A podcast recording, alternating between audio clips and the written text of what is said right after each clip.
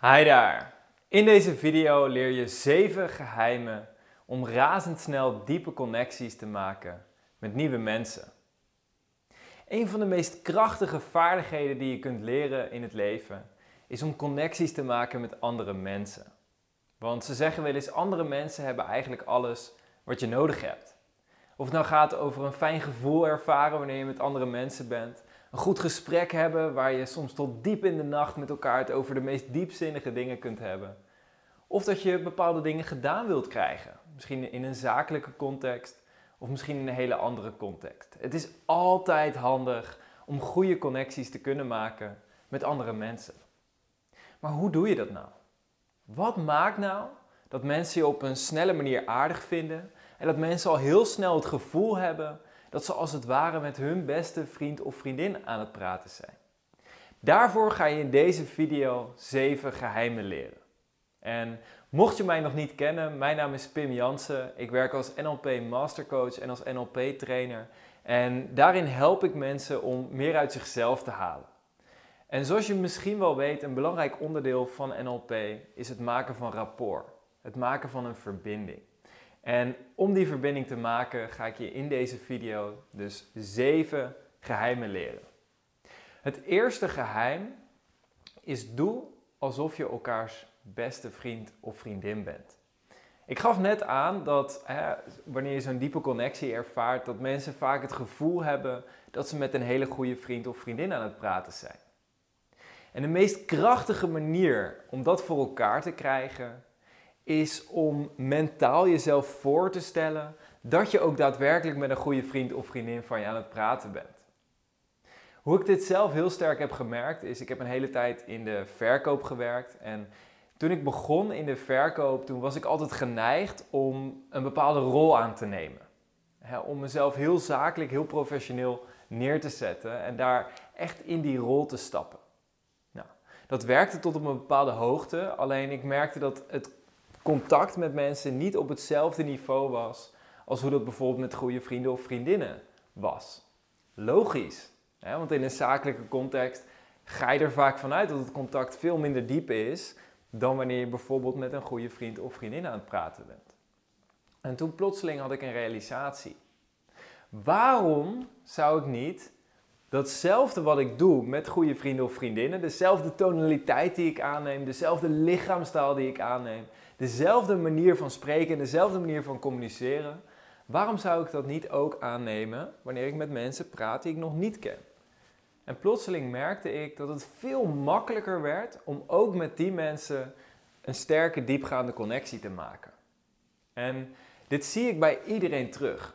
er is een verschil vaak tussen wanneer je praat met mensen die je voor het eerst ontmoet, of wanneer je praat met mensen die je al langer kent. Met mensen die misschien je beste vrienden of vriendinnen zijn. En neem dan eens voor jezelf onder de loep, wat is nou precies dat verschil?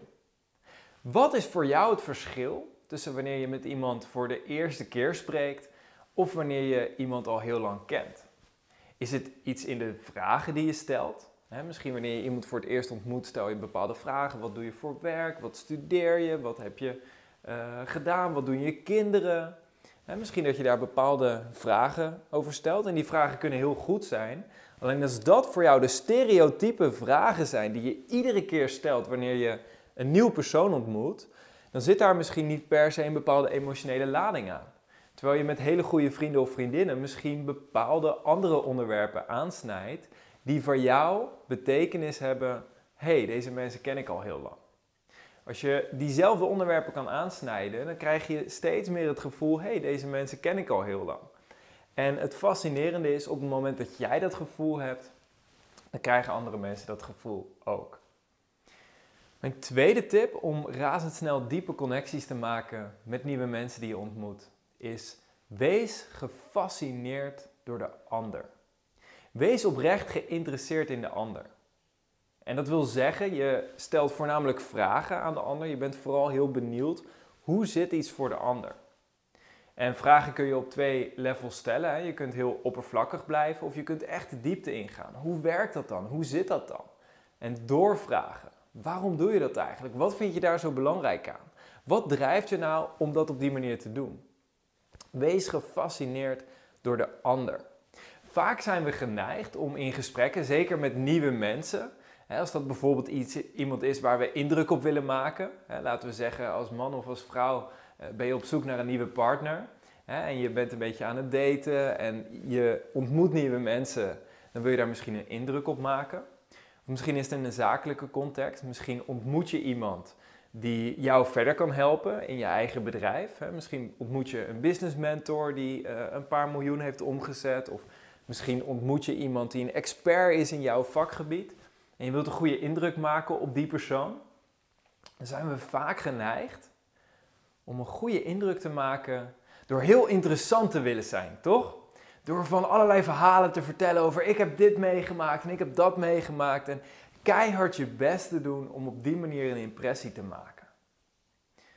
Maar hoe zonde is dat? Want op het moment dat jij keihard je best aan het doen bent om een goede indruk te maken en allerlei verhalen aan het vertellen bent en continu aan het vertellen bent over jezelf, op wie ligt dan de aandacht? Op jou of op die ander? De aandacht ligt op jou. En drie keer raden naar wie die andere persoon de meeste interesse heeft, naar jou of naar zichzelf? 9 van de 10 keer is het antwoord naar zichzelf. want als je een foto bekijkt, een groepsfoto, wie is dan de eerste persoon waar je naar kijkt? Ben je zelf, toch? Dus mensen hebben vaak meer interesse in zichzelf dan in de ander. En dat is prima, dat is gewoon een natuurlijke eigenschap die we allemaal hebben, daar hoef je geen oordeel over te hebben. Het is alleen wel fascinerend dat als jij dus interesse toont in een ander, dat een ander daardoor veel sneller geneigd is om met jou een klik te voelen dan wanneer je de aandacht voornamelijk op jezelf hebt en zelf interessant probeert te zijn. Dale Carnegie, de schrijver van het boek How to Win Friends and Influence People, die beschrijft het op de volgende manier. Hij zegt: You'll make more friends in two months by being interested in other people than you will make in two years by trying to get other people interested in you. dus je maakt meer vrienden in twee maanden door geïnteresseerd te zijn in andere mensen, dan dat je vrienden maakt in twee jaar door zelf heel interessant te proberen te zijn. En echt waar kan het je meegeven op het moment dat jij gefascineerd bent over andere mensen, op het moment dat jij doorvraagt en benieuwd bent, dan ga je veel diepere connecties maken, dan ga je veel betere gesprekken hebben dan wanneer je de aandacht op jezelf legt. En het derde geheim om razendsnel diepe connecties te maken met nieuwe mensen is zie de ander als gelijke. Wij mensen zijn vaak geneigd om te denken in bepaalde waardehierarchieën. En dat gaat al heel ver terug. Vroeger had je de koning en die had alle macht en dan had je alle boeren die waren ondergeschikt en die moesten alleen maar belasting betalen en die waren eigenlijk voor het gevoel niks waard. En in India heb je bijvoorbeeld nog heel sterk die waardehierarchieën. En volgens bepaalde evolutionair psychologen komen die waardehierarchieën komen vanuit onze natuur. Zoals het ware ingeprogrammeerd in ons DNA. Dieren hebben hetzelfde. Hè? Kippen hebben een bepaalde pikorde. En het schijnt dat zelfs kreeften, waar wij miljoenen jaren geleden van afgestamd zijn, dat zelfs kreeften bepaalde dominantiehierarchieën hebben. Dus het zit heel diep in ons systeem dat we bepaalde waardehierarchieën voelen. En dat zie je ook heel vaak bij kinderen op de basisschool, op de middelbare school, dat ze heel erg geneigd zijn om te denken in waardehierarchieën. In hè, ik ben meer waard dan de ander of ik ben minder waard dan deze persoon. Het is heel zonde om op die manier na te denken. Want uiteindelijk, in mijn ogen, in mijn perceptie, is een waardehierarchie simpelweg een construct wat gemaakt wordt waarmee we onszelf voor de gek houden om binnen bepaalde regels, binnen bepaalde kaders te denken. En zeker hè, wanneer je het gewoon praktisch bekijkt, op het moment dat je nieuwe mensen ontmoet en je bent geneigd om diegene als het ware op een voetstuk te plaatsen. Hè, dus stel je voor, jij wilt je bedrijf vergroten en je komt iemand tegen die al tien jaar ervaring heeft in het bedrijfsleven. Iemand die al vijf verschillende bedrijven gestart is en al een paar miljoen heeft omgezet. Als jij dan de interpretatie hebt, wauw, deze persoon staat ver boven mij, hè, dan heb je kans dat, oké, misschien geeft die persoon je een paar tips als je diegene zo op een voetstuk zet. Alleen je zal niet makkelijk een diepe connectie maken. Waarom? Die persoon is waarschijnlijk gewend om op een voetstuk gezet te worden. Die persoon wordt waarschijnlijk door meerdere mensen op een voetstuk gezet. En daardoor is die persoon als het ware heeft een soort van schild gecreëerd. Op het moment dat hij op een voetstuk gezet wordt, op het moment dat iemand hem, hem of haar niet ziet als gelijke, maar als een soort goeroe of als iemand die alle, alle kennis heeft, hè, dan valt diegene al snel in een bepaalde rol. Oké, hey, ik ga je helpen, ik ga je tips geven. Oké, prima. Alleen, diegene voelt zich niet echt ontspannen bij je. Dus diegene heeft niet echt het gevoel van, oh, ik kan nu relaxen. En daardoor zul je nooit echt vrienden of vriendinnen worden met zo iemand. Dat is prima. Het is afhankelijk van welke rol je in wil zijn. Als ik bijvoorbeeld over straat loop en ik word aangesproken door iemand die mij bijvoorbeeld op YouTube heeft gevolgd, en dan vind ik dat een hele eer. En als iemand allerlei vragen stelt, dan ben ik vaak, 9 van de 10 keer, ben ik gewoon heel blij om antwoorden te kunnen geven, om iemand verder te helpen. Alleen dat betekent niet per se dat ik ook vrienden zal worden met die persoon. Waarom? Omdat onder vrienden onderling wil ik gewoon kunnen ontspannen. Wil ik me relaxed kunnen voelen en ook af en toe iets doms kunnen zeggen. Ik kan je je voorstellen, als trainer zit je altijd in een bepaalde rol dat je andere mensen helpt. En daar kan je ook af en toe iets doms zeggen, dat is helemaal prima. Alleen in vrije tijd, als ik met vrienden onderling ben, dan wil ik ook af en toe gewoon kunnen ontspannen, geen verantwoordelijkheid hoeven voelen. En dat is een hele belangrijke. Op het moment dat je nieuwe mensen ontmoet, zie mensen als gelijken, zodat mensen zich bij je kunnen ontspannen. Geldt ook als je bijvoorbeeld gaat daten. Hè? Mensen zijn ook wel eens geneigd om te denken: he's out of my league of she's out of my league. Hè? Dat iemand als het ware boven je staat op een bepaalde manier en dat je daardoor als het ware niet waard bent om met die, diegene te gaan daten. Zonde, want op die manier gun je jezelf nooit de kans om op hetzelfde level te kunnen communiceren. Terwijl eigenlijk het enige wat je hoeft te doen, hè, want al die waardehierarchieën zijn een mentaal construct. Mensen plakken er allerlei labels op als je een bepaalde functie hebt gehad binnen een bepaald bedrijf, of als je er op een bepaalde manier eh, uitziet, of als je zo gespierd bent, of als je zoveel geld hebt, of als je dit of dat hebt, dan kun je stijgen in de pikorde. Alleen het enige wat je daadwerkelijk nodig hebt is gewoon dat jij dat mentale construct niet besluit te accepteren en dat je voor jezelf gewoon besluit van hé, hey, ik zie iedereen als gelijke. Ik ga met iedereen om alsof het een goede vriend of vriendin van me is. En daardoor kan iedereen zich bij mij ontspannen. En daardoor voelen mensen zich relaxed bij mij. En daardoor wordt het dus makkelijker om zo'n diepgang te krijgen in gesprekken met nieuwe mensen. En het vierde geheim om razendsnel diepe connecties te maken met nieuwe mensen is om voor jezelf na te gaan waar heeft de ander op dit moment behoefte aan? Wat is de behoefte van de ander? En dit is iets wat heel veel gebruikt wordt, bijvoorbeeld in verkoop en in marketing. Hè, dat er echt goed nagedacht wordt, wat is nou echt de onderliggende behoefte van de ander? En dit is ook iets wat je heel goed kunt gebruiken wanneer je simpelweg nieuwe vrienden wilt maken, wilt netwerken, nieuwe mensen wilt ontmoeten. Denk na, wat is nou echt de behoefte van de ander? Waar heeft iemand nou echt behoefte aan? En dat kan van alles zijn. De ene keer heeft iemand behoefte aan een stukje ontspanning. Soms wil iemand zelfs met rust gelaten worden. Stel dat ik eh, een training geef, om 10 uur begin ik. En om vijf voor tien komt er iemand naar me toe. Ik heb een enorm dringende vraag. Uh, mijn wereld is ingestort. Kun je me alsjeblieft coachen? Ja, dan wil ik diegene graag helpen. Alleen, over vijf minuten begint er een training. En staan er misschien 20, 30, 40 of 50 mensen op mij te wachten op het feit dat ik die training geef. Ja, dus dan is mijn behoefte is om 50 mensen te helpen en niet om de vraag van één iemand te beantwoorden. Dus, oftewel, ik wil graag iemand helpen, alleen er ontstaat een conflict. En het zal je verbazen hoe vaak dit soort dingen gebeuren. Hoe vaak iemand de focus eigenlijk op zichzelf legt. Hè, helemaal buiten de context van training of iets dergelijks. Gewoon in het leven, hoe vaak iemand eigenlijk geneigd is om de focus op zichzelf te leggen. En om iets te vragen van een ander of aandacht te pakken van een ander, zonder daarbij na te gaan, wat is hier in de behoefte van de ander? En het is fascinerend op het moment dat je gaat denken vanuit, hey, wat is de behoefte van de ander? Dan zul je vaak merken dat als iemand bijvoorbeeld geneigd is om heel veel te praten, om heel uitgebreide verhalen te hebben, dan heeft die ander misschien een behoefte om gehoord te worden of om gezien te worden. dan heeft die ander misschien een sterke behoefte aan goedkeuring of aan validatie. Dan kan het zomaar zo zijn dat op het moment dat je dat merkt, van hé, hey, wat is nou echt de behoeften van de ander in deze situatie, dat de klik dan ineens veel beter wordt. Omdat die ander dan echt het gevoel heeft, wauw, ik word hier plotseling begrepen. En een hele simpele vraag die je hiervoor gewoon kunt stellen, hè, want je kunt het voor jezelf proberen te bedenken. Alleen als je het niet weet, je kunt altijd vragen, hey, waar heb jij op dit moment behoefte aan? Waar heb jij op dit moment behoefte aan? Vaak lopen communicatie loopt vaak stuk omdat twee mensen voor zichzelf een interpretatie hebben van hey, dit moet er nu gebeuren, dit moet er nu gebeuren, dit moet er nu gebeuren, dit moet er nu gebeuren. Soms zie je dat in ouder-kind dynamieken. Dat een ouder de verwachting heeft van het kind dat het kind eindelijk eens iets gaat vertellen over hoe het op school is geweest of uh, wat er allemaal gebeurd is.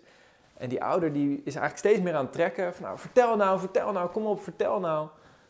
En soms kan het gewoon goed zijn om één keer de vraag te stellen waar heb je op dit moment behoefte aan. En dan zegt het kind misschien, nou ik heb nu even behoefte om met rust gelaten te worden. Of misschien dat het kind zegt, ja, ik voel me eigenlijk niet helemaal begrepen. Ik voel me eigenlijk niet helemaal begrepen, want er zit eigenlijk iets waar ik moeite heb om over te praten. Uh, en op het moment dat je daarachter komt, dan kan het kind gaan vertellen.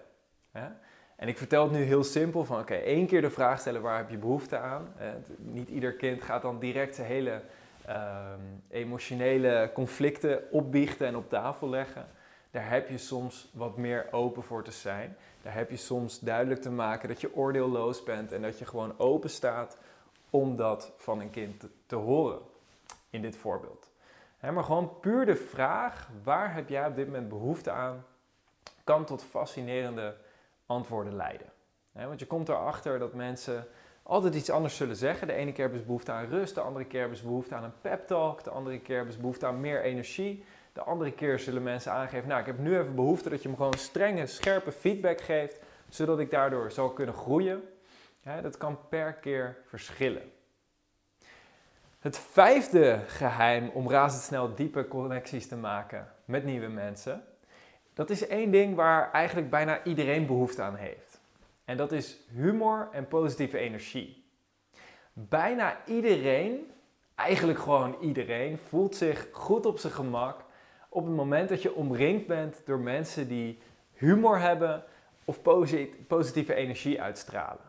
En natuurlijk is dit per context verschillend. Als je in een hele serieuze context bent, dan heb je soms eventjes te focussen. Alleen zelfs dan is vaak humor en een beetje positieve energie zorgt ervoor dat dingen minder zwaar worden. Dat, minder, dat dingen wat luchtiger kunnen worden.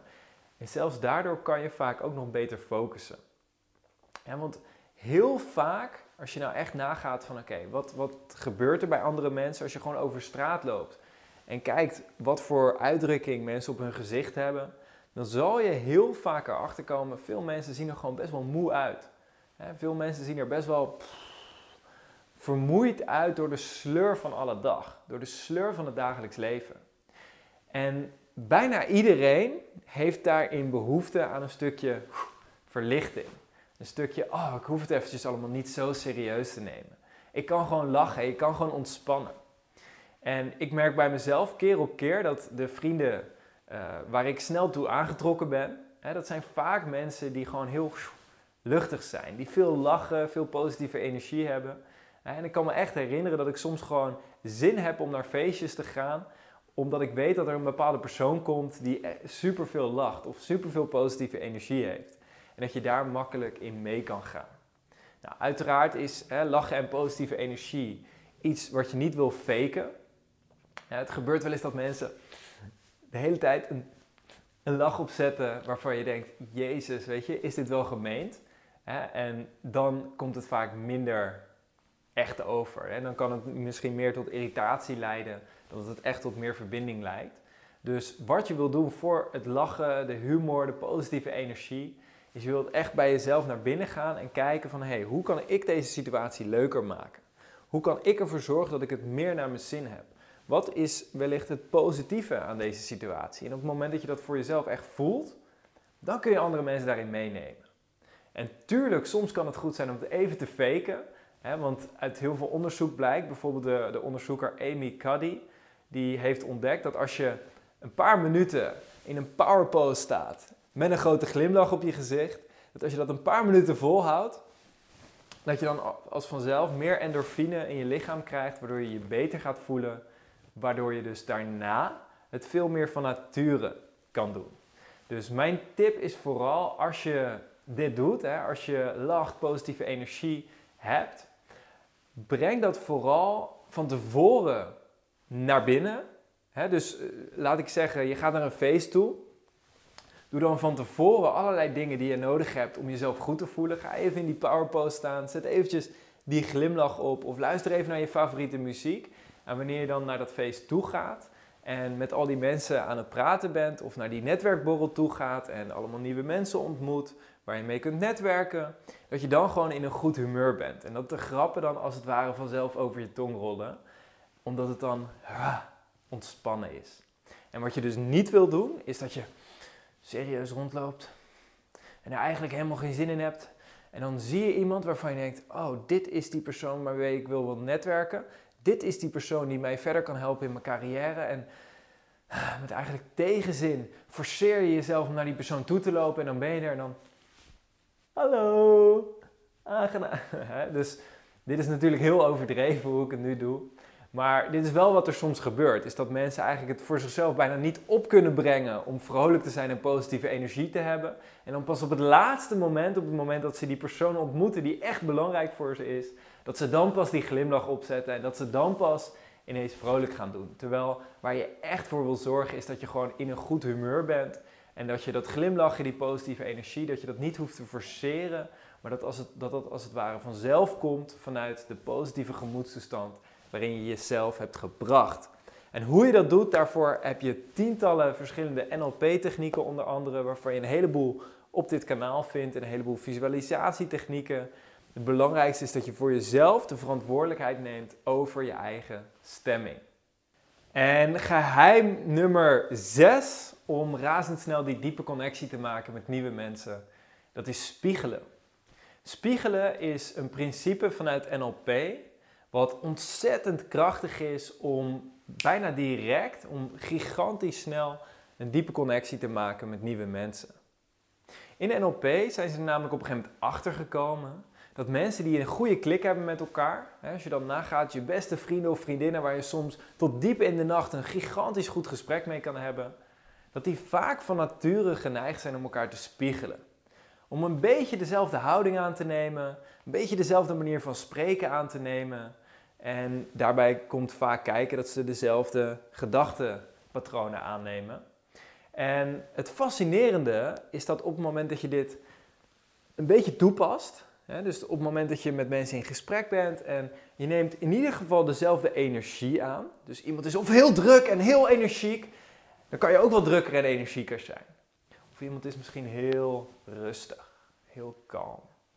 En dan kan het helpen om zelf ook wat meer rustig en kalm te zijn.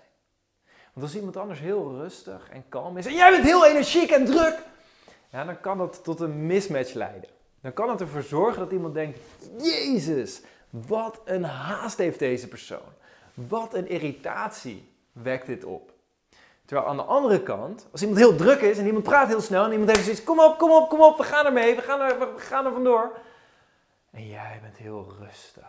Jij bent iemand die bewust is van dit moment en die helemaal met zijn aandacht hier is en geen haast heeft, dan kan het ervoor zorgen dat iemand zich kapot ergert, omdat iemand gewoon denkt: Kom op nou, kom op, we moeten nog dit doen, we moeten nog dat doen, we moeten nog dat doen. Ik word gek van het wachten.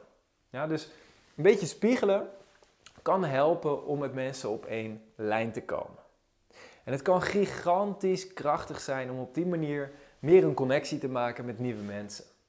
Want zoals Tony Robbins ook wel zegt, people like other people who are like themselves or who are like how they would like to be. Oftewel, hè, mensen houden van andere mensen die of op ze lijken of die zijn zoals zij willen zijn. En ga dat maar eens na voor jezelf. De mensen waar je echt de beste klik mee hebt, je beste vrienden, je beste vriendinnen, de collega's waar je de beste klik mee hebt. Wat hebben die mensen wat op jou lijkt? Misschien hebben ze een beetje dezelfde houding. Misschien hebben ze een beetje dezelfde manier van spreken. Misschien hebben ze een beetje dezelfde denkstijl. Misschien denken ze wel net zoals jou heel globaal. Of misschien denken ze wel net zoals jou vooral in gevoel of vooral in beeld. Misschien hebben ze wel bepaalde andere patronen waarin ze heel erg op jou lijken. En hetzelfde geldt voor mensen waar je naar opkijkt. Die hebben bepaalde patronen die jij van hun zou willen overnemen of zou willen modelleren. Dus mensen houden altijd van mensen die op ze lijken, ofwel die zijn zoals zij willen zijn. En in trainingen krijg ik dan wel eens de vraag, als ik het heb over spiegelen, hè, zet je jezelf dan niet als het ware op de tweede plek.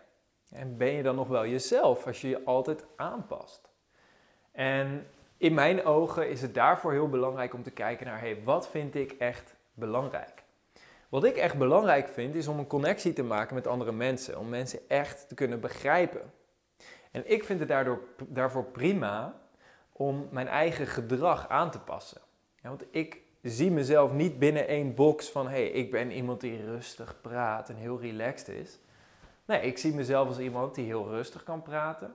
En ik zie mezelf ook als iemand die heel druk, heel energiek en heel bam, motiverend misschien wel kan praten. En het is juist die flexibiliteit in je eigen gedrag, wat aan de ene kant je eigen persoonlijkheid verrijkt. Hè, want je kunt veel flexibeler zijn, je kunt veel meer verschillend gedrag vertonen dan als je jezelf binnen één hokje, één kader plaatst en zegt: Dit is hoe ik ben, dit is wie ik ben. En als ik daarvan afwijk, dan ben ik niet meer mezelf. Dus aan de ene kant ben je veel flexibeler, ben je veel vrijer om verschillende aspecten van je eigen persoonlijkheid te kunnen laten zien. En aan de andere kant maak je daarmee dus een veel diepere connectie. het is voor mij bijvoorbeeld veel belangrijker dat ik een diepe connectie kan maken met verschillende mensen, dan dat ik aan één bepaald aspect van mijn eigen persoonlijkheid vast moet houden en daar niet van af kan wijken. dus het is juist een hele krachtige manier om veel nieuwe mensen te ontmoeten. En de vraag, zet je jezelf dan niet op de tweede plek? Ik merk juist dat ik op deze manier veel meer verrijking heb in mijn relaties. Dat ik bijna nooit tegen conflicten aanloop met mensen. het is echt misschien het afgelopen, de afgelopen twee jaar heb ik misschien vijf conflicten gehad met mensen. Het is iets wat gewoon niet heel veel gebeurt. En natuurlijk, we hebben allemaal wel eens conflicten. We hebben allemaal wel eens dat we niet met mensen door één deur komen. Alleen waar ik achter ben gekomen is dat 99% van alle conflicten die mensen hebben, vaak gewoon niet nodig zijn. Het is vaak gewoon heel overbodig.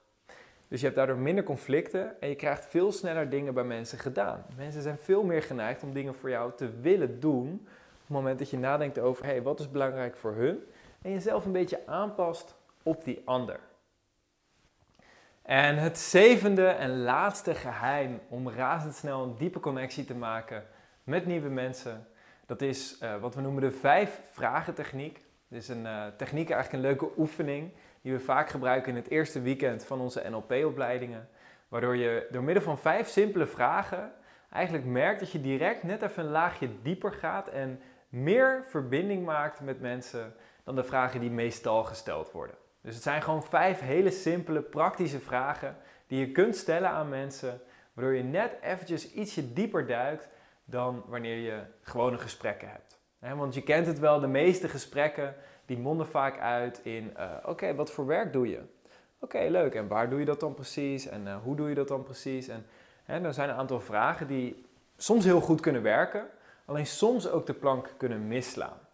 Waarom? Heel simpel. Als je aan mij vraagt wat voor werk doe je, dan kan ik daar vier uur lang super geboeid over praten. Dan zeg ik, nou, ik doe wat ik leuk vind. Ik doe wat mijn passie is. Ik geef uh, trainingen in NLP. Ik maak video's voor mensen om honderden, duizenden mensen te kunnen inspireren om meer uit hun leven te halen. Dit is mijn passie, dit is wat ik leuk vind. Alleen, als je aan iemand anders misschien vraagt wat voor werk doe je, dan hoop je misschien dat er net zo'n gepassioneerd antwoord uitkomt. Of op een hele andere manier een gepassioneerd antwoord. Alleen het zou kunnen dat iemand zegt, ja, ja ik doe uh, dit en dit, uh, accountant of whatever. Hè. Iemand kan heel veel passie hebben om accountant te zijn. Maar iemand anders heeft misschien zoiets, ja, ik vind er eigenlijk helemaal niks aan. Hè, ik zit gewoon elke dag te tellen totdat de klok eindelijk vijf uur slaat en mag ik zo snel mogelijk mag ik weer naar huis. En als je dan de vraag stelt, wat voor werk doe je? En iemand heeft daar helemaal geen passie voor, zal iemands gemoedstoestand dan omhoog gaan of omlaag gaan? Waarschijnlijk omlaag gaan, hè? want je stelt een vraag over iets waar iemand eigenlijk liever niet aan denkt. Iets wat voor mensen een negatieve associatie heeft. Dus, dit zijn vijf alternatieve vragen waarbij je bij dezelfde antwoorden terecht zou kunnen komen. Alleen, dit zijn vragen die zijn gestuurd op voornamelijk wat brengt iemands positieve gemoedstoestand naar boven? Wat, wat raakt iemands emoties? Wat raakt iemands passies? De eerste van de vijf vragen zit op de duim en de duim staat voor goed. Dus dit gaat over waar ben je goed in. Waar ben jij goed in? Natuurlijk, het is misschien niet iets wat je als eerste direct aan iemand vraagt. Alleen als je iemand net ontmoet voor de eerste keer kun je dit best wel door een gesprek heen verweven. Waar ben je eigenlijk goed in? Als je nou van jezelf zou mogen zeggen dat je ergens goed in bent, want ik vind dat we dat allemaal van onszelf mogen zeggen. Waar vind jij dan dat jij echt een uitblinker in bent? En dan kunnen mensen gaan praten. En 9 van de 10 keer, hetgene waar mensen goed in zijn, is 9 van de 10 keer ook iets wat ze leuk vinden. Ze mogen een trots verhaal over zichzelf vertellen. Dat is een hele krachtige vraag. De tweede, de wijsvinger. De wijsvinger gaat over bijvoorbeeld doelen. Waar wil je naartoe? Ik wil daar naartoe. Dus de wijsvinger is de vraag, waar wil je naartoe? Ja, waar wil je naartoe? Wat is je doel? Wat zijn de belangrijke doelen voor jou? Wat wil je over een jaar bereikt hebben? En opnieuw wil je dan gefascineerd luisteren, hè, zonder oordeel, zonder te zeggen, oh je moet een doel hebben of dit of dat. Nee, gewoon, hey, hoe zou jouw ideale leven er nou uitzien? Waar wil jij eigenlijk naartoe?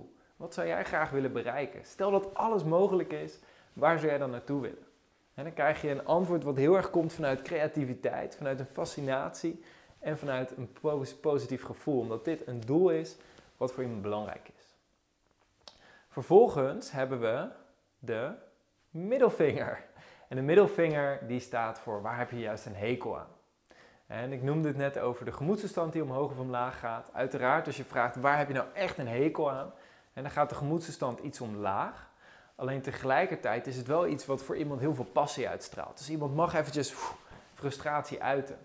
En het zou zomaar kunnen dat je daarop ook heel veel verbinding kan maken. Misschien zegt iemand, nou waar ik echt een hekel aan heb is onrechtvaardigheid. Ik kan het niet uitstaan als mensen elkaar niet als gelijke behandelen. Als mensen de een voortrekken en de ander niet. Of waar ik echt een hekel aan heb, dat is regels om regels maar te stellen. Ik vind dat mensen gewoon hun eigen potentie moeten benutten. Dus dan kom je ook vaak op iets wat voor iemand heel belangrijk is. En dingen waar mensen uh, veel waarde aan hechten, dingen die voor mensen heel belangrijk zijn, dat zijn vaak dingen waar je beter een connectie op kunt maken. Dan hebben we vervolgens de ringvinger. De ringvinger waar vaak iets heel belangrijks omheen zit. Hè? Namelijk voor mensen vaak de trouwring. En de ringvinger, dat is de vinger die gaat over wat is belangrijk voor je. Wat is voor jou nou echt belangrijk? Wat vind jij nou belangrijk in het leven? Dan kom je terecht op wat we binnen NLP noemen het niveau van waarde. Wat is belangrijk voor iemand? Voor mij is belangrijk passie, contributie kunnen leveren. Voor mij is het belangrijk om te groeien, mezelf te ontwikkelen. Voor mij is het belangrijk om integer te zijn. Voor mij is het belangrijk om liefde te kunnen geven aan andere mensen. Voor mij is het belangrijk om mezelf gelukkig te voelen. Welk antwoord je dan ook op terecht komt, hè? alles is oké, alles is goed. Alleen, het zijn altijd fascinerende antwoorden. Want je komt achter wat drijft iemand. waarden, we zeggen ook wel eens waarden, dat zijn de drijfveren achter ons gedrag. Want het zijn onze waarden, is hetgene wat ons, wat wij op een diep niveau het meest belangrijk vinden, wat uiteindelijk de sturing is achter de keuzes die wij maken. Op het moment dat je ontdekt wat iemands waarden zijn en weet van, oh hey, iemand vindt passie heel belangrijk. Oké, dus vandaar dat iemand continu bezig is met die dingen doen die iemand leuk vindt. Oh, voor iemand, is uh, voor iemand is vrijheid heel belangrijk. Vandaar dat iemand graag een wereldreis wil maken. Ja, gedrag valt vaak heel goed op zijn plek op het moment dat je weet wat voor iemand belangrijk is. Dus wanneer je vraagt naar, hey, wat is... Het is lastig om de ringvinger op te steken. Dat is, uh, moet je eens proberen, dat is best wel een kunst. Maar uh, op het moment dat je weet, wat is voor iemand belangrijk, dan kom je dus echt op dat niveau terecht. En dan hebben we als laatste hebben we er nog eentje over en dat is de pink. En de pink als laatste gaat over hè, het einde. Waar wil jij aan herinnerd worden? En dat is als het ware een, hè, als je hele leven voorbij is, waar zou jij dan aan herinnerd willen worden? Hoe wil je dat mensen jou herinneren? En dat is een vraag waarbij je dus echt terecht komt ook bij, hey, wat is echt belangrijk voor iemand? In NLP noemen we dat ook wel het missieniveau. Wat is echt jouw doel in het leven? Hoe wil jij uiteindelijk herinnerd worden? En ook dat is weer iets waar je gigantisch veel verbinding op kunt maken. Want op het moment dat je dat weet, wat, waar wil iemand aan herinnerd worden, dan kom je bij datgene terecht wat voor iemand echt heel belangrijk is. Wat voor iemand als het ware een doel in het leven is. Voor deze vijf vragen geldt, een van de belangrijkste dingen als je dit toepast, is wees volledig, uh, wees volledig oordeelloos. als iemand zegt, nou waar ik heel goed in ben, is uh, andere mensen irriteren. Nou oké, dat is misschien iets waar je al snel een oordeel over zou hebben. Alleen als iemand iets zegt wat heel erg buiten jouw straatje past. Als iemand zegt, nou waar ik heel goed in ben is rekenen. Hè, wat mensen soms de neiging hebben om dan te zeggen, oh rekenen. Nou daar heb ik echt een hekel aan. Nou, dan weet je, als je dat doet, dat je gelijk geen match hebt. Hè. Dat is de snelste manier om verbinding te verbreken in veel gevallen. Dus wees in ieder geval positief. Je hoeft echt niet te doen alsof dat ook jouw passies zijn. Als iemand zegt, oh, ik ben heel goed in rekenen. Oh, daar ben ik ook heel goed in. Terwijl dat helemaal niet waar is. Dan ben je een fake persoonlijkheid aan het opzetten. Dat wil je dus absoluut niet doen. Alleen je kunt wel gewoon waardering geven voor de ander. Oh, wat fijn dat je daar zo goed in bent. Oh, wat tof. Ah, dan zou je misschien nog wel eens een keer bijles kunnen geven. Want ik snap er eerlijk gezegd helemaal niks van. Ik vind het echt tof dat jij er wel goed in bent. dus je kan het heel erg waarderen. Je kan het heel erg tof vinden dat iemand anders iets leuk vindt. Ook als je het zelf niet leuk vindt. als ik zeg, oh, ik heb echt een hekel aan mijn belastingaangifte doen. Als ik iemand tegenkom die belastingexpert is, of die daar heel goed in is, dan ben ik gefascineerd. Dan denk ik, wauw, wat gaaf. Wat gaaf dat iemand dat zo leuk kan vinden. En dan ben ik heel benieuwd hoe iemand dat dan doet. En dan kan je, dus, dus neem de perceptie aan, ik ben oordeelloos en ik kan van andere mensen leren. Ik kan heel nieuwsgierig zijn naar andere mensen, naar wat hebben zij te bieden waardoor mijn wereldbeeld weer verrijkt kan worden. Dus als je deze zeven geheimen toepast, dan weet ik zeker dat jij de komende tijd heel diepe connecties gaat maken met mensen. Dat jij echt een klik gaat creëren, dat je stevige vriendschappen gaat afsluiten. Dat je in staat bent om te netwerken met bijvoorbeeld mentoren of andere mensen binnen het bedrijfsleven die jou heel veel waarde kunnen bieden. En dat je bijvoorbeeld uh, gewoon veel meer vrienden, vriendinnen krijgt, je netwerk vergroot, uh, misschien wel aantrekkelijker wordt, misschien wel sneller je droompartner kan vinden. Uh, alles komt eigenlijk neer op het in staat zijn om een diepe connectie te maken met nieuwe mensen. Dus nog één keer onthoud de zeven principes van het maken van die diepe connecties. Allereerst, doe alsof je elkaars beste vrienden bent. Als tweede, wees gefascineerd over de ander. Als derde, zie de ander als gelijke. Als vierde, ga na waar heeft de ander behoefte aan. Als vijfde, realiseer dat mensen altijd behoefte hebben aan humor en positiviteit. Als zesde, spiegelen. Leef je in in de ander en word een klein beetje zoals de ander. Stem je af op de ander. En als zevende, stel de vijf vragen, zodat je direct leuke tools hebt om die diepe connectie te maken. Dat was het voor deze video. Ik wens jou heel veel succes met het maken van die diepe connecties met mensen. En uiteraard heel veel liefde en geluk in jouw leven. Toegewenst. Tot de volgende keer. Ciao.